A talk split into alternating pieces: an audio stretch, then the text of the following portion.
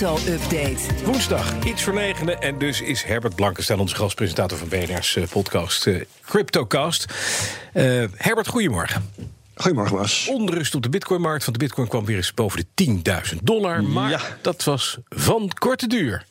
Inderdaad, in de nacht van maandag op dinsdag ging hij opeens met 500 dollar omhoog. Van 9600 naar ongeveer 10.100. Even eroverheen en dan weer terug. Ehm, en overal was gejuich, want er was een psychologische grens overschreden en bla bla bla bla. Ehm, en 16 uur later viel die bitcoin net zo hard weer terug naar vrijwel precies dat uitgangsniveau.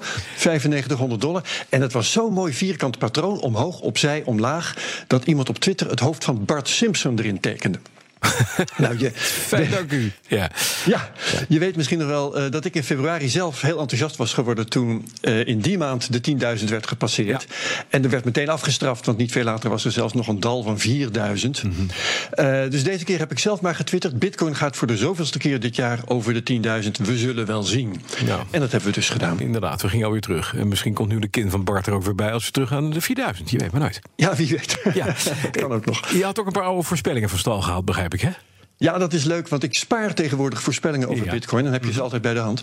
En Bitcoin oudgediende Charlie Shrem, die had twee jaar geleden gezegd dat je in mei 2018 voor het laatst een Bitcoin onder de 10.000 zou zien.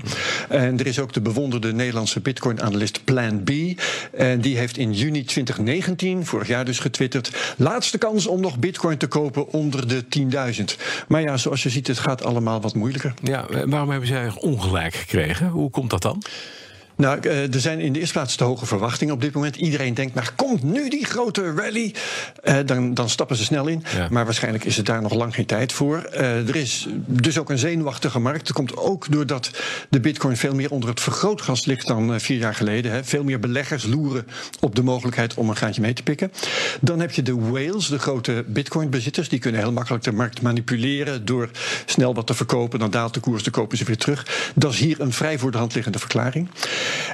En dan zijn er nog heel veel overheden bezig met regulering.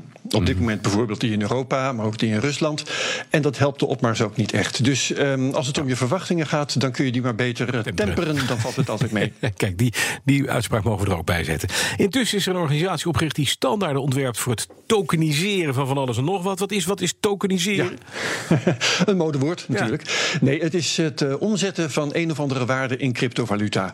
Dan wordt het liquide en verhandelbaar. Nou, er wordt veel gedaan. Je kunt denken aan aandelen in een bedrijf. Op allerlei manieren is dat geprobeerd. Onder andere met ICO's, eh, Initial Coin Offerings. Maar ook wel op andere manieren. Er was een Amerikaanse basketballer, weet je nog? Ja, die zijn contract heeft geprobeerd Ja. te tokeniseren. Heb ik hier nog verteld. Je kunt denken aan energie, het uitwisselen van overtollige energie tussen bezitters van zonnepanelen en windmolens en zo. Dus eigenlijk kun je dat doen met alles van waarde. Mhm. Maar het is wel handig als, wanneer je dat doet, dat je je aan bepaalde standaarden houdt. Want dan kan een buitenstaander bijvoorbeeld zien wie er verantwoordelijk is, hoe een blockchain wordt beheerd, hoe de waarde van zo'n digitaal token wordt bepaald. En zulke standaarden gaan nu bedacht worden. Er is een Interwork Alliance opgericht en daar zitten niet de minste bedrijven in. Eh, denk aan Microsoft. IBM, Nasdaq, Accenture en ook nog de cryptobedrijven als Chainlink en Hyperledger. Oké, nou dan zal het wel tot een standaard gaan leiden. We gaan eh, praten over wie er te gast is in de Cryptocast. Dat wordt Mark Snijders. Hij is de man achter bitbrokertrade.com. Een automatisch handelende tradingbot. Misschien iets voor jou, Bas. Eh, iedereen kan hem namelijk gebruiken. Dat hoef je het zelf niet te doen. Hij is ook een luis in de pels van cryptoboeven... met zijn site cryptoplichters.nl.